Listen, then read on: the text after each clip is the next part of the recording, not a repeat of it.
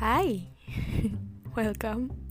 Welcome to Morecast, chapter 4, episode 4 Topik kali ini akan sedikit berbeda dari yang sebelumnya ya.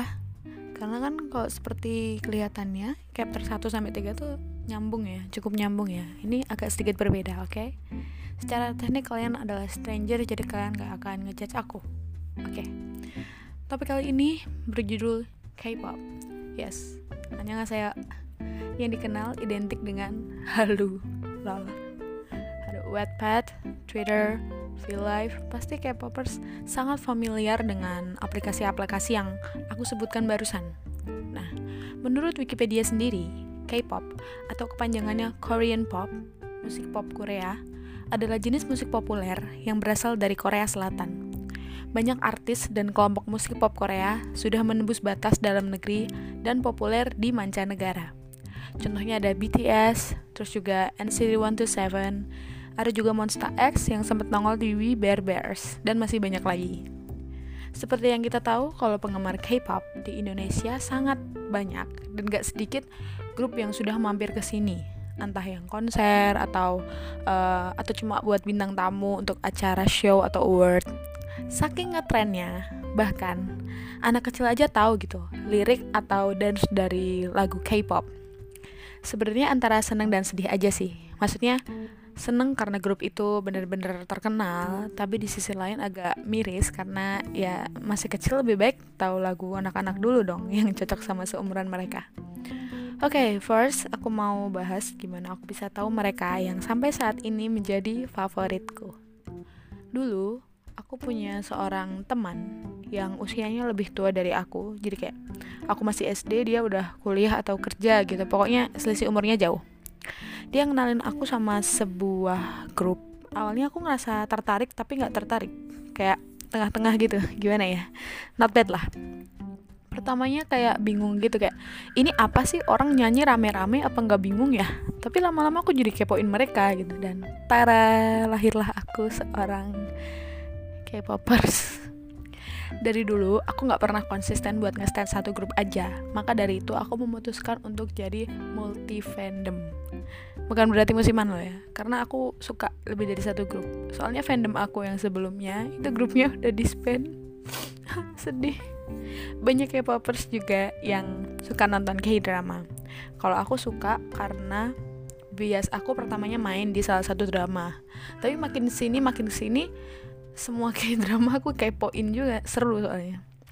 Nah yang sering jadi permasalahan itu gimana cara bagi waktu? Karena kan nggak bisa semuanya maksudnya nggak bisa terus-terusan kan? Apalagi waktu itu aku masih jadi pelajar yang harus fokus sama sekolah walaupun sebenarnya maunya ngehalu all the time. Canda sayang.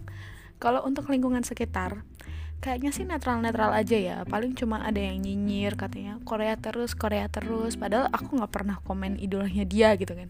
Aku terlalu males buat nutup mulut yang nyinyir mending aku yang tutup kuping aja dadah gitu.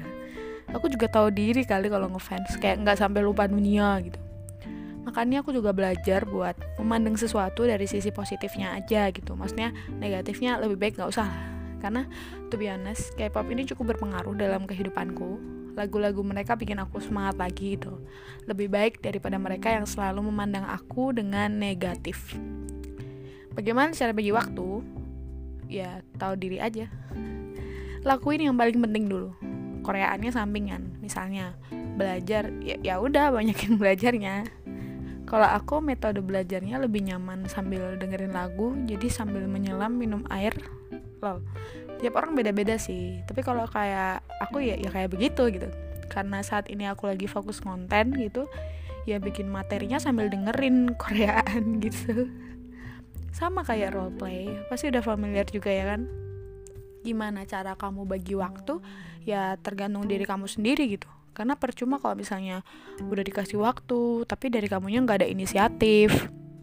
Terus pernah juga nggak sih sampai rebutan bias gitu sama orang aku pernah dulu tapi sekarang biasa aja gitu. Sekarang tuh malah seneng punya bias yang sama karena bisa nge-hype bareng gitu kan. Aku sendiri tipe fans yang no budget alias nggak pernah beli perintilan apa pun kecuali yang non official alias mahal bos. Mau beli album aja mikir gitu kan. Aku mikir berkali-kali jadi aku uh, lebih milih jalur streaming. Platform yang paling sering aku gunakan adalah Twitter karena update-nya kenceng banget soal K-pop beneran. Dan mutualnya tuh banyak banget. Tanpa harus akrab tuh kayak udah bisa mutualan gitu. Eh follow back ya. Oke okay, follow what ya. Eh kamu fans apa? Aku fans ini hahi gitu kan. Ya inilah positifnya. Salah satunya bisa punya teman baru yang ngedukung karena berada di jalan jalur yang sama. Giliran K-pop aja panjang bener ya. Semangat banget kayaknya ya kalau kamu bahas sesuatu yang kamu suka juga akan kayak gini gitu kan. Kita punya hak buat suka akan suatu hal kok. Kembali lagi gimana kontrolnya yang tergantung kita. Di bawah fan aja gitu. Udah ya gitu aja ya. Sebaiknya saya closing sekarang daripada ini ini takutnya satu jam gitu kan. Bahaya nanti saya kesenengan gitu ya oke okay, kayaknya ini chapter paling happy paling aku having fun di chapter ini ya. Aduh malu banget. Oke okay, sampai situ aja. Sampai jumpa di chapter selanjutnya. Dadah. thank you